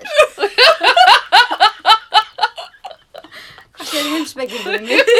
Sko, heimsbyggingur segir, allt er vatn. Ok. Það var heimsbyggingur sem sagði það. Þessi heimsbyggingar. Það þarf að taka það af lífi. Það var annar sem sagði það. Heimsbyggingar. Það er ekki hægt að búa með þessum óðum. Það var líka annar heimsbyggingur sem sagði það. Þeir eru búin að segja allt. Ok, mamma bör ekki segja neitt ykkur. Svo ófrumlegur að það var eitthvað heims. Það er búin að segja þetta. Ok, ok. En heimsbyggingar, stereotypur, hvað gera heimsbyggingar? Að vera algjörlega óþólandi? Já, finnst Sita er ekki bara eitthvað heima sem er pípu og eru bara eitthvað. tala um einhverja kenningar og Já. svo, svo koma þær í partí og eru bara eitthvað nákvæmlega eins nema Þeir bara eru ógeðslega leðilegir, Og síðan- heimsbyggingar eru leðilegir. Þú veist, eru þeir ekki alltaf líka neymdroppa? Mér er svo Jú. leðilegt þeir eru svona fræðingar alltaf að Þeir eru neymdroppa. basically að læra að neymdroppa. Það er Já, það sem þeir já. læra. Já, er þetta Já. ekki alveg svo kant var að tala? Já, um? já, einmitt, þetta Ertu minnir kannski mig upp á á- kant við hann? Eh. Nei, tjók. Móa, þú er að hætta. Nei, ok, þetta er svona pappabrandari. Þú sér hverju ég þarf að lifa með. Minga auðlóa. Áslug var eitthvað að segja mér áður en þú kom, sko. Við vorum að eiga smá samræður. Já, Áður en þú kom. Hvað kemur vil núna? ég vita það? Nei, mér varst bara svo gaman að hún var að segja að hérna, þegar hún er að hlusta á þáttinn okkar, Já. að þá, þá vill hún alltaf bæta einhverju í sa samtali. Já, ég, stem, ég er alltaf alveg bara, já, uh, svo, þú veist, ég þarf að minna sjálfa mig á að ég er ekki hjá ykkur. Heyrðu, núna er tækifærið, þú getur sagt allt sem þið Já, hefur ég látað er til bara að alltaf segja. skrifið allt hjá mér. Öll kommentin. Já, nákvæmlega, þetta er bara, ó, já, og þú, ó, sjáið, ég er bara alveg, ég er bara orðlaus. Svo, Bara svitna. ég svitna bara. Þú veist, og ég meina, svo þegar þið voru að tala á ekkert um daginn og, og, þú veist, og ég var alveg, ég er krabbi, ég er krabbi. Ég veit, ég, Ég hef lesið um þetta. ég er búin að horfa á þetta líka.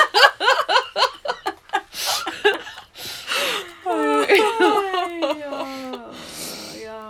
Oh. það var dásalega. Ég fór einmitt í gæru hitti ekkert sko af því að hann er náttúrulega svo hérna vanur að koma Já. í viðtöl.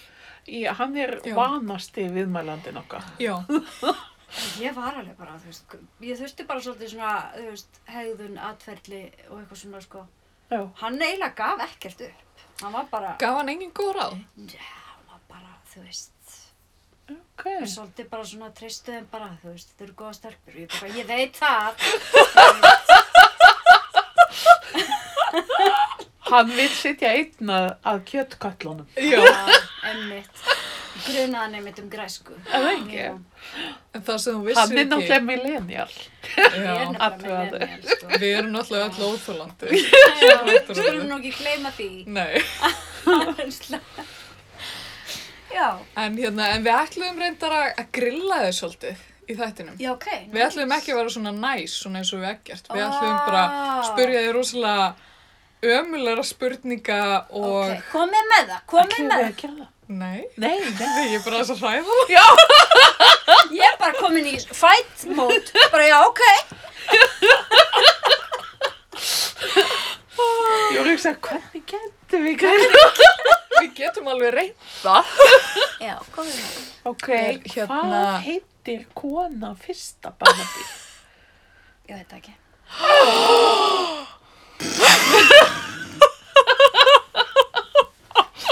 Eldar Joyce, góðan mat Ég eða veit ekki. vondan mat? Ég veit það ekki, ég veit það ekki. Hvað heitir hundur Er það Barnabís? gættu betur?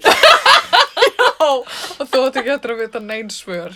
Sétt. Pass, Bara ekki lappa út og brjóta allt. nei, ég lofa. Þetta er svona hraðaspurningar, ég bara, Já. pass, pass, pass.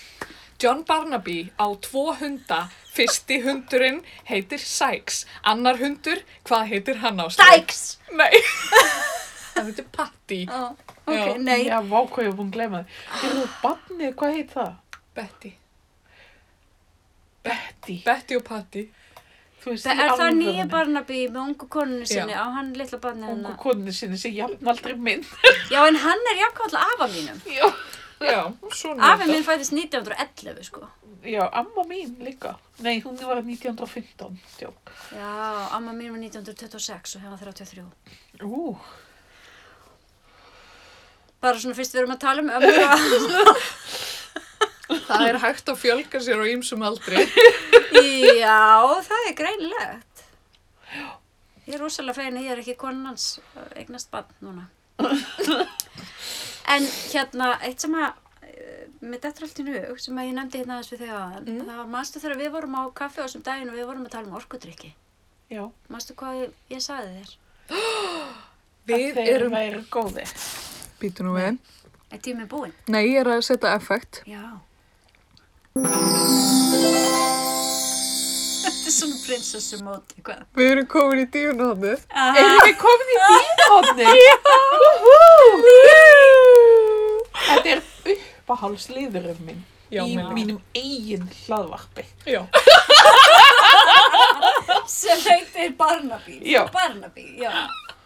Já, við vorum að tala um orkudrykki og ég sagði þér frá því síðast þegar ég fekk mér orkudrykk sem var held í eina skipti á æfuminni sem ég fekk mér orkudrykk. Já, já. Ég fekk mér Magic og ég fekk sem mjög hjartsláttatröflanir. Fannst þér hann góður? Æja, það var alveg góður en, en sko ég held ég var að fá hjartáfall, ég fekk svo mikið öran hjarslátt. Mm. Og þetta var morgunin sem Díana dó. Oh. Og býtu bara til þess að geta þóla það eða? Nei, nei, þetta bara tengdist ekkert sko. Nei.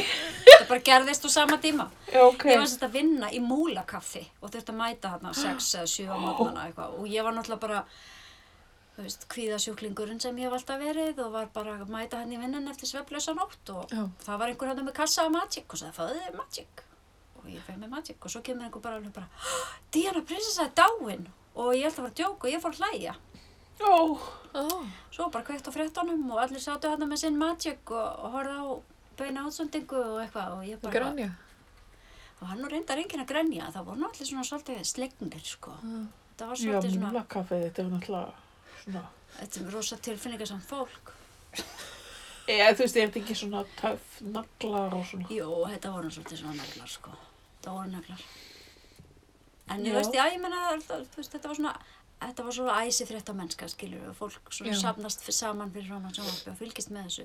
Suma svo þegar Keiko kom til landsins Já. og allir voru að horfa í Já, hvað var það? þá var ég á verkfræðistofu og það var bara enginn við skrippborði og var allir bara neyri í kaffistofu og horfa á sjónvarpi, bara einhvern vörubíl kæra. Vá. Vá. Já, svolítið vá. Eru, fyrir nú, nú bara alveg að öðru, eru mjaldrarnir komnir?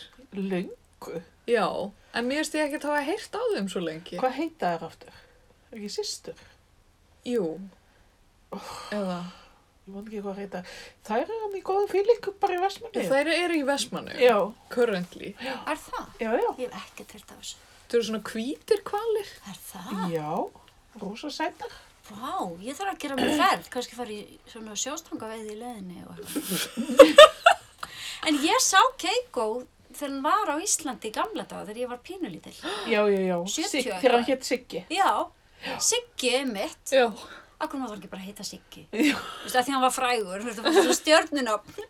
Já, Sást ég, þú hann? ég sá hann ekki. Ég man samt bara, já, munið þegar hann hétt Siggi. Já. En það var eitthvað svona, var þetta ekki sædýrasafn? Ég, eða? þetta var eitthvað svona sætir að sæt og þetta var eitthvað algjör tortúr. Já. Já, hann hafði ekkert gott að því að vera þarna. Nei. Þetta var eitthvað pínu lítið kar bara. Já. Já, ummitt. Var hann ekki geðið óhamingjusamur? En svo enda hann lífsitt líka mjög óhafingi samur hann. Hann átti bara Já. rosalega ömurlegt líf. Hann Já. átti ekki sjöta hann að sæla. Nei, Greiði Siggi. greis ekki. Nei, ég, ég las einhvern tímann eitthvað meira um hann sko áður en hann kemur til Íslands þá man ég ekki hvort hann var í Bandaríkjunum í eitthvað SeaWorld. eða- Já, eða- já, já. þá er hann að leika í fullt af bíómyndum. Já, en Já. þetta er svona Free eins og... Willy og allt Já, þetta. Já, þetta er svona eins og þegar að, að hérna, svona badnastjörnur. Þú veist, Börn sem verða Hollywoodstjörnur, þú veist, og Já. ég vera sem bara í, þú veist, rugglinu. já, bara í einhverju Þú fræða náðs, náðs búri. sér ekkert upp úr, svo hann Nei, var bara hann náði sér aldrei. Nei, hann náði sér ekki upp úr. þessu. Þetta var umuleg tilvist. Og þetta Sem hann fer- Eh, átti. Já, ég... Þetta var ekki ljón líka á þessu sama sætirsamni. Ljóð. Ljón. Sko, Sæður þú ljóð?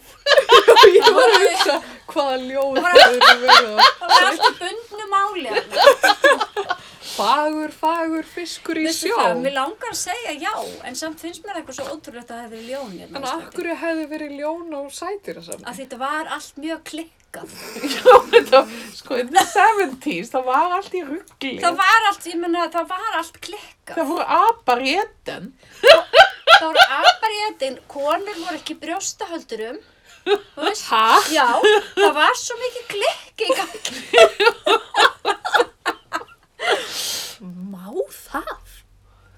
ekki lengur. Nei. Þetta var eitthvað voða, þú veist, það var náttúrulega ekki tilneitt þá sem var eitthvað animal rights eða þú Nei. veist eitthvað. Eða þú Nei. veist, það var kannski til einhver staðar en það var ekkert eitthvað, Fólki þótti Dýra- þetta kannski ekki tiltöku mál. nei, ég held nefnilega ekki, sko. Það var, það var til dæmis ekki mjög mikið um veganisma þá. Ægilega ekkert.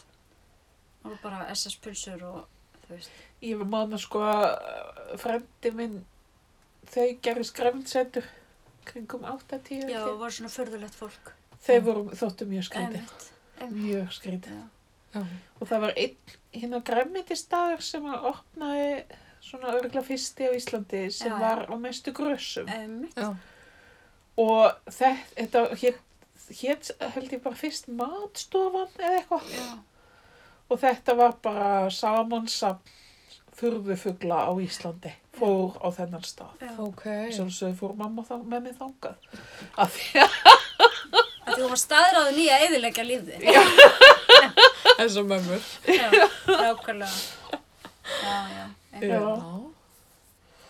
Já, Þetta emmi. var- Og ég var aldrei með hjálm þegar ég var að hjóla. Ok. ég og yngi með bílbelti, Engin með bílbelti. Reykt í bílnum. Reykt, ó jésus, og inn í Reykt bankanum og alls alls staðar. upp í Upp rúmi. í rúmi, í baði. Það var bara, þú veist, svo fyndið, þú veist, ekki það á myndir af mér, þess að ég set svona í sófa og, og þú veist, og það er bara síkarettur út um Já, þessu að reykja bara. það er svona mökkur Það og sést kannski ekki í- öskubakki hérna við hliðin á mjólkurglasinu mínu eða eitthvað. Þú veist, bara, Já, fyrir dætu mínar sko, það er kannski eitthvað að reykja hérna með við göttun og það er það bara, Ó, þetta er svo óþægilegt, þetta er svo óþægilegt. kafna, Já, bara, ok, try to grow up in the 80s. já, einmitt, einmitt. Jesus. Já. Þetta er allt, ég man eftir eins og þá, hérna, þegar stelpa mér var lítil, þá höfðum við eftir einhverja ferðina í IKEA, einmitt, keft svona litla, þau eru svona uppþóttahanska, svona gummihanska sem pössuðu svona á krakka. Ó. Hún vildi endilega fá svona og ég kefti svona handin og svo var hún eitthvað að vasku upp heima rosa glöð og eitthvað og ég bara eitthvað, ó ég vildi ég hefði átt svona hanskar, ég var lítil og bara, áttu ekki svona hanska? Nei. Akkur fórstu ekki bara í IKEA og kefti þér svona hanska? Ég bara, "Af því það var ekki IKEA á Íslandi. og svo hristi hausinn eins og gömul kona og sagði "Það var allt svo skrítið þegar þú varst lítil. Ég held að hún var einhvern tímann að reyna að færa rauk fyrir því að hún ætti að fá GSM og spurði mig, hvað varst þú gömul þegar þú fyrst GSM? Og ég sagði, 25 ára! Já, þú eru dóttið þín á ekki ennþá GSM sem. Nei! það, er alveg, það eru harða reglur hefnjá. Jú, hún á GSM síma. Ok, hún hefur fengið það í gegn blessunni. Já, ég er pappa sínum. Já. Pappin er gafni. Kring, í kringu tvítusaldurinn kannski. Já, einmitt. Já, já. Já, munið þið, munið þið eftir, vel eftir fyrsta gemsanum ykkur? Já, Já, guðmi góður og ég á um eitt sögu um hann. Mamma hlustar hóndi ekki á þennan þátt. En sem sagt, mamma vildi að ég fengi mér GSM síma og ég var bara, það kemur ekki til greina, að ég Hvað varstu fái þá mér gömul? svona tæki. Ég var komin yfir tvítugt. Ég var að vinna í Apis blöndubóðinu. varst að vinna í Japis? Já. Oh my god. og býtið nú við ah, þetta hefur verið eitthvað 98-9 það verið Já. 99. nei, ég er af 25 ára. 99 fyrir að vinna í Abis þetta er, kringum tve- þetta er svona 2000 Þú eru auðvitað afgreitt með Japis. Hérðu, ég er, já, örglega Já. Hérðu, og hérna ég er í vinna í Abis og við, hún gef mér svona Nokia síma sem var alveg flottur en ég vildi ekki síma Nei. Ég Ah. var eitthvað á móti, mér fannst þetta að vera eitthvað, þú veist, eðsla á einhverju og þú Já. Mm. veist, mér fannst þetta bara eitthvað asnalegt. Já. Akkur það er eitthvað að ná í mig þegar ég Já, er bara ekki þar, ég vil bara fá að vera þar sem ég er. Þú þarft ekki að ná í mig, svo var hann alltaf kvartenda í svara aldrei í heldi síman. Já. Og hérna, Tengi, tengi við það. nema hvað, bara, ó, getur hlaðið símaðin Mm. móheður. Það var mjög algengt við hvað Já. skrifa hvað, að það kom einhver starfsmæður að því það var alltaf svona rosalega mikið að gera fyrir jólin Jú, jú. og nei, eða hvort þetta var á útsölunni, ég fekk hann í jólagjöf og á útsölunni Já, eftir jólinn. eftir jólin þá þurfti fleira starfsfólk og það kom einhver strákur og þetta var svolítið dodgy strákur Ah. hann stal símanum mínum Ah. og ég einhvern veginn s- vissi alveg að hann hefði stólið honum og ég einhvern veginn gaf samt ekkert eitthvað sagt bara hei, hættu að stela símanum mínum Já, gast ekki gengið á hann og... Já, og þú veist, og hann bara eitthvað var að vinna eitthvað nokkar vaktir og svo fór hann bara og mamma var bara, Hva, hvað var að síma henni? Bara, hann var stólið Mm, og já, þú veist, ég lendi geggju vesinni með þetta og mhm. svo fjekk ég mér ekkert aftur síma fyrir þetta í lengi, lengi. En þetta var hálf glata sko gagvart mömmu já, af því að hún hefði náttúrulega verið já. eigða peningi í þetta og eitthvað. Ég var mitt, ég kefti mér ekki minn eigin síma, ég var alltaf bara með eitthvað svona hand-me-downs. Þú veist, eitthvað kærasti minn fekk nýjan síma í vinnunni, þá fikk ég hans gamla og eitthvað svona, þú Já. veist. En ég var einmitt líka, bara ég sá aldrei einhvern veginn tilgangin. En þú veist, svo þegar ég fekk síma, þá var ég ófyrirska heru og þá var það eitthvað svona, þú veist, pappi hennar vildi endilega að ég væri með síma, sko. Þú veist, þá fekk ég fyrst skipti gemsa og þá var allir náttúrulega í kringum mig konum gemsa. Ég sá bara aldrei neitt point í því, sko. Og bara svona, Já. Ég man því ég sá í fyrsta sinn mann vera að tala við sjálfa sig nýri göduna. Nei, svona handfrjálsam. Það var sem sagt Jakob Fríman Auðvitað. Var og við það vorum hann? bara eitthvað, hvað, er hann- hann orðin alveg klikkaður, bara farin að tala við sjálfa sig? Oh my god. Alveg vissi að hann myndi snappa á endan. Já, en nú veitir það, nú getur maður bara að borga með símanum stelpur og úr henni sínu og öllu, þetta er alveg, Já. þetta er ekkert allt í tölvunni, sko. Nei, sko Nei, vá, og skulum Já, ég sér ræða það. Þetta er eiginlega allt bara glatað. ég býð bara eftir að ég get borga með augunum. Já, já, ég líka. Ba- Ég var örgulega mjög góð í því. Ó, ég óvart millifærða á við miljón. Æ, fyrirgjöðu! Það þarf nú svolítið svona lostafullt augnar að þetta Já, fyrir heila miljón. Já. já, ég held það. Einhvern sérstakann glampa, sko. Já, já, ég held það. Þú veist, Gamli Barnaby gæti það. Já, já, ekki þessi nýju. Ekki Nei, sem ég. nei. Nei, nei, Nei. alls ekki. sko. Sara geti það samt. Já, Já. já. Er einhver í Barnaby, hérna, æ, nei, þú ert skotinni, Tom, fyrir ekki. Heyrðu, við ætlum, við erum í dýnahotninu. Já, já, við, Talandi um það. Hvað?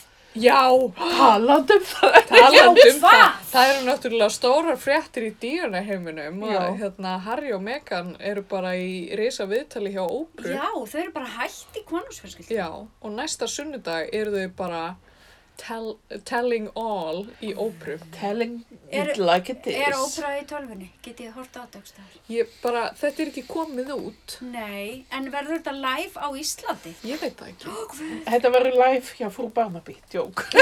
Sko, ég meina, þarf ég að kaupa með stöðu tvö eða eitthvað? Ég, ég, ég sko veit það ekki En ég, þú veist það hlýtur að vera hægt að finna þetta einhversta Já.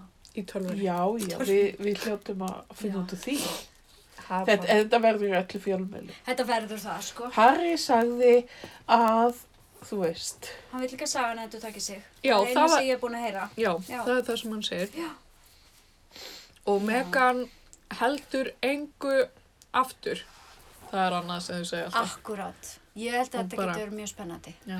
Það er, sko, ég er ekki mikill aðdáandi konungsfjölskyldunar, Nei. en ég er mjög spennt fyrir að sjá þetta viðtal. en þú veist, hvað er hún að fara að halda aftur, ekki, eða ekki halda? Nei, ég veit það ekki. Það fáum við allt að vita á sunnudaginn. Já. Já, ég horfði. Ég meina, er hann ekki líka bara eitthvað, þú veist, níundi í röðinni að verða kongur hvað sem er, þú Jú. veist, eða eitthvað. Það Jú, fer mér og svo, saman. svo er alltaf að, þú veist, alltaf að verða, Já, þú veist, Lengur og lengri í hann, Já. sko. já, einmitt, þannig að ég skil hann vel, hann vilja bara hætta þess að flytja til, þú veist, Kanada eða hvað sem hann er. er hann ekki í Hollywood? Jú, það er bara Já. Kali. Er hún þá bara að Kalifornía. fara aftur að leika og vinna fyrir honum og svona? Ég, ég, ég Ég veit Sko, það. ég held að þau s- hafi gert díl við Netflix. Raunveruleika sjónvarp. Nei, halló! Það væri best. Það mér vant að sjá eitthvað nýtt að horfa á. Ah, já. Heyrðu, ég hérna talandi um að klára Netflix, það er einn þáttur sem að ég er búin að vera að reyna að samfæra að starka um að horfa á með mér. Ok. Uh, en hefur ekki tekist, þannig að núna er ég svolítið búin að vera laumaði inn þegar ég get að horfa á þetta hérna Queen's Gambit. Já. Já. Hvað? Það, ertu ekki búin að horfa á það? Nei, en núna er ég bara Bíddu, alltaf að akkur- leita. Ertu að býða eftir stakkaði? Nei, en Það bara- getur reyna að býta. Ég býð aldrei. Nei, en bara, sko, þú veist, þegar að ég er að horfa á sjónvarpið, þá er ég oft með honum. Já. Það þarf að horfa á eitthvað svona sem báðir vilja horfa á. Oh my god. Nei, nei, það er bara... Er það ekki bara bullshit? misskilningur. Það er miskilning. Þa, það er, ex-kynsluðin gerir það aldrei. Nei, nei. Og þetta er eitthvað svona kompromæsa, það er bara, það er alveg búið. Já, Ö, Eh, Það er, Það já, er búið. ok, liðið tíð. Já, já, já. ok, ég En þetta eru klikkaði það. Já. Já, ég er búin með fyrsta og ég er bara rosa hrifin. Ég festist alveg í þessu, kláraði seríuna bara. um á Hyrðu, tökum. var það kannski smá kveikjað á hálfgræslinni? Heyrðu, ég hugsaði eftir á bara eitthvað, vá, var ég bara að klippa mig svona út af því að ég sá það í sjónvarpinu. Talandi um að verða fyrir áhrifum, Já, ég er bara svo hrifnæm. greinilega. Ég bara, viti, ég er svo, hérna, ég er bara alltaf svo geðveikt svag fyrir svona góðum bob. Já. Og ég man líka eftir öðrum, hérna, svona memorable bob, það er í Downton Abbey. Já, ó já. Þegar, þegar Mary, hérna, kemur heim með nýja bobbin sinn. Já, já. Og það er bara eitthvað mest sjokkrandi klipping sem öllu, Oh my sem allir God. hafa séð. Já, Það er já. allir bara, hvað gerði Það var ekki, það var ekki alveg að passa inn þar. Nei. Ekki það ég hefði séð hennar þátt. Þetta var svona uh, 20s, Já, já, þá, einmitt, þá einmitt. eru þið byrjuð að vera Þá er aðeins. þetta að koma inn, sko. Já, Já, þá, þá fer hún út og letur klippa sig svona Já. sko og sjokkar er alla fjölskylduna. 20s fannst mér nú svolítið cool tímabill. Já, ég, Ógislega gráð. Svolítið svona, ég held að ég hafi verið til þá í New York og verið alltaf á djamminu með svona langar síkartur. svona Great Gatsby. Já, ég held að það var alveg verið gaman hjá mér þá, sko. Já, potið sko. Ó já, ég sé þig með rauða hárið einhvern veginn. Já. Já. Í svona klikkuðum kjól Já, með svona svona... paljettum og alls konar dóti. Úlala. og- Og, og með svona, svona hárband Já, eða, einmitt. eða svona, hérna, Já. svona perliband Já, með Um svona, höfuðið. bara helst með demundum. og fjöður Já. kannski. Nákvæmlega. Já. Það var akkurat þannig, ég er að segja ykkur það, ég man svo vel eftir þessu. Ó, Ah. Já. En það er spurning, sko, dóttir mín var að benda mér á það, semst fyrir 100 árum síðan, þá, þú veist, kemur 20s eftir svona sjúkdóma og vesen. Ah. Það er spurning hvað er í vændum hjá okkur núna. Roaring Twenties. já, það er enda rétt hjá henni. Hún er mjög gáfuð, dóttir mín. Hérna... Já, heldur hún sé að hlusta á þetta þess Ah, vegna sem Nei, þetta þetta bara segir þessi engar líkur á hún, veistu. Þannig ég get leift mér að rósa henni hástær. Ok, það er gott. Já. Já, og svo, einmitt, þú veist, það sem að mér dættur í hugur, er þá komið svona Roaring Twenties aftur og svo kemur bara svaka hrun. Svo gullöld. Já. já. Ah. Ég væri ekkert hissa í raun og veru. En það það er- er samt svona hálfgildingskappa núna. Já, en svo þegar allir eru búin að fá bólusetningu og eitthvað svona, þú veist, að þá fara bara allir að fara í sleik við alla og, og þú veist, Og eða pening. eða penning og vera á djamminu og gera vel við sig, skiljiði. Ekki það ég menna, nú, þú veist, maður er náttúrulega búin að vera að gera vel við sig, þú veist, þannig séð, en, en svona öðruvísi. Já, Já. Aðeins að fara fram á sér, sko. já, já, já. Kanski vera, munu, listarkið þín fljúa út Já. og Spáði það. þú Það verður verður bara, þú milljar veist, að margu. Það verða allir bara með kampavínu hérna og bara, já, ég ætla bara að fá þetta. Bara syndandi Já. kampavinni. Já. Það fá öll þessi listaverk. Já.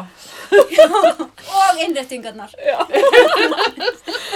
Ó, hver, þú veist, ef einhver hefði sagt mér, auður, þú ætti eftir að vinna við að vera myndlistamæður, þú veist, þú ætti eftir að vera, þetta er það sem að, þú veist, er í framtíðinni, en þú mynd eigða vikum og vikum af lífiðinu að hugsa í kvíðakasti um hvernig á að koma listaverkunum fyrir inn í sýningarýmunu Já. þú veist, og reyta hár þitt Já. yfir því og fara í klippingu. og fara svo bara á endanum í klipp Já.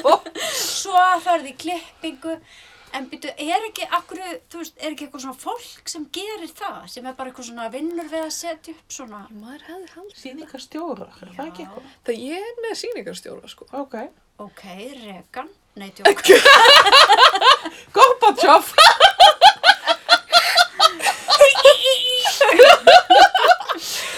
Nei, sko, máli er að, að, þú veist, ég er svona einn af þessum myndlistamönnum sem er svolítið ráðrík, að ég vil ráða öllu. Já, ég er svona, ups, heyrðu, hvað gerðist þarna? Það er búið að taka yfir. Það, það er búið að taka yfir rosalega góða og skemmtilega upptöku að því þegar að, Áslaug hitti Rekan. já, Já.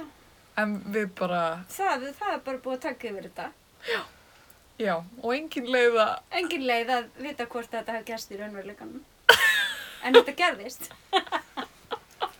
Ég ætlaði nefnilega alltaf að segja að þegar þú varst búin að segja þína sögu, þá langaði mér eins og að segja hvað ég var öfundsjúk sem sagt í Fraklandi, ég var í Fraklandi, já, yfir því að ekki vera á Íslandi þegar Gorbachev sem var hetjan mín já, á þessum tíma já.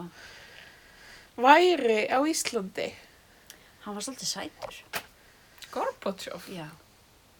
Já, þú veist, með rekan var það líka, hann var svona meira svona Hollywood stjörnu sætur Já, Rekan var mjög töff. var hann ekki Hollywood stjárn? jú, Jú, kúra en sko, ég nefnilega sko var í kannski smáanstöfið, ég, eh, ég ólst upp við að allt var í gladasvegar amirist sko. já, mér fannst það nefnilega en ég þorði náttúrulega ekki að segja það Já, mér fannst það svolítið vandræðalegt já eða, þú veist, það var meira svona, já, nei, nei, móheður, þetta er amirist. já, Við erum ekki að Já.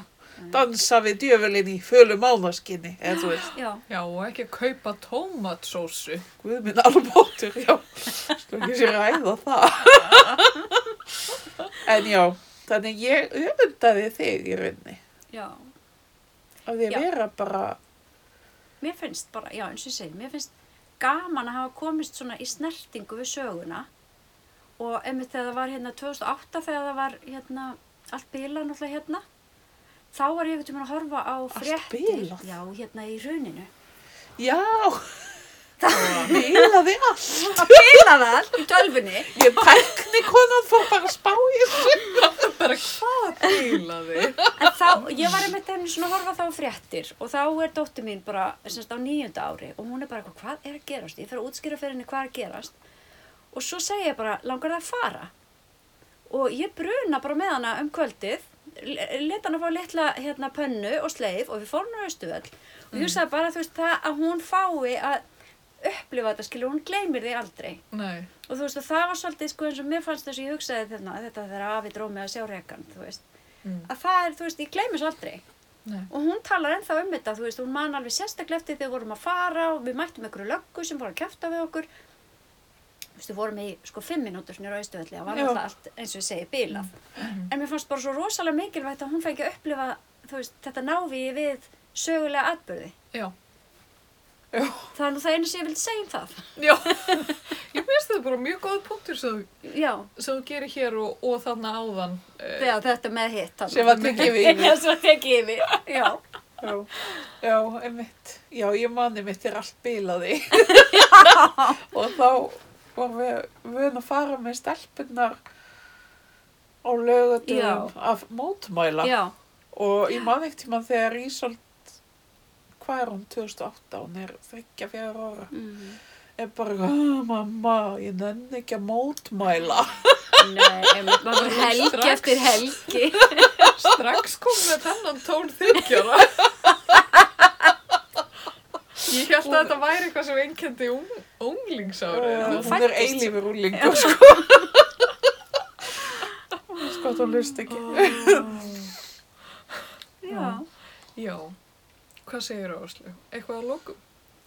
Þetta er bara búið ógislega gaman hérna hjá ykkur stelpur. Ég, Mér finnst ég rosalega heppin að fá að koma henni viðtal til ykkar, eða heimsókn, eða hvað þetta heitir. Já, sumleis, ég er Podcast. ótrúlega bara, hvað ég segja, heiðruð af því að fá heiður. Nærveru þinnar. Já, Aftur fer ég að ráðuna eða þetta sé breytingarskip. já bara, sem sagt, tíftein komið hérna að hitta þekkuna sína. Höf, höfðingin okkar. Huna sína. Stjörnurnar mínar.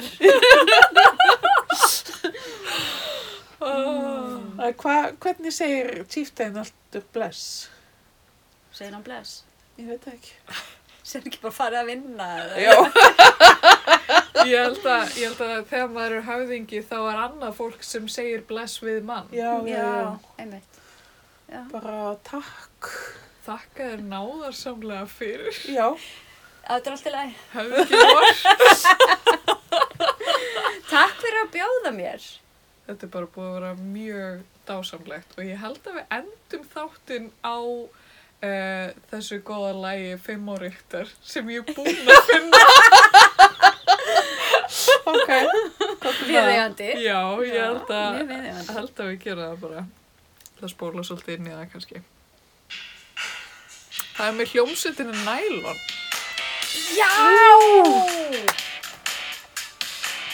Þetta, þessi diskur var til á heimilu mínu. Var ekki alltaf góður? Alveg örglega.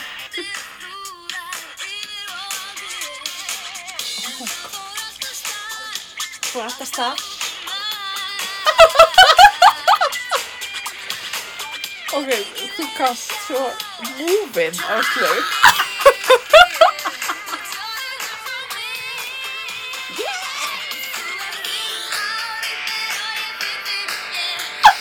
Þetta er gott lag!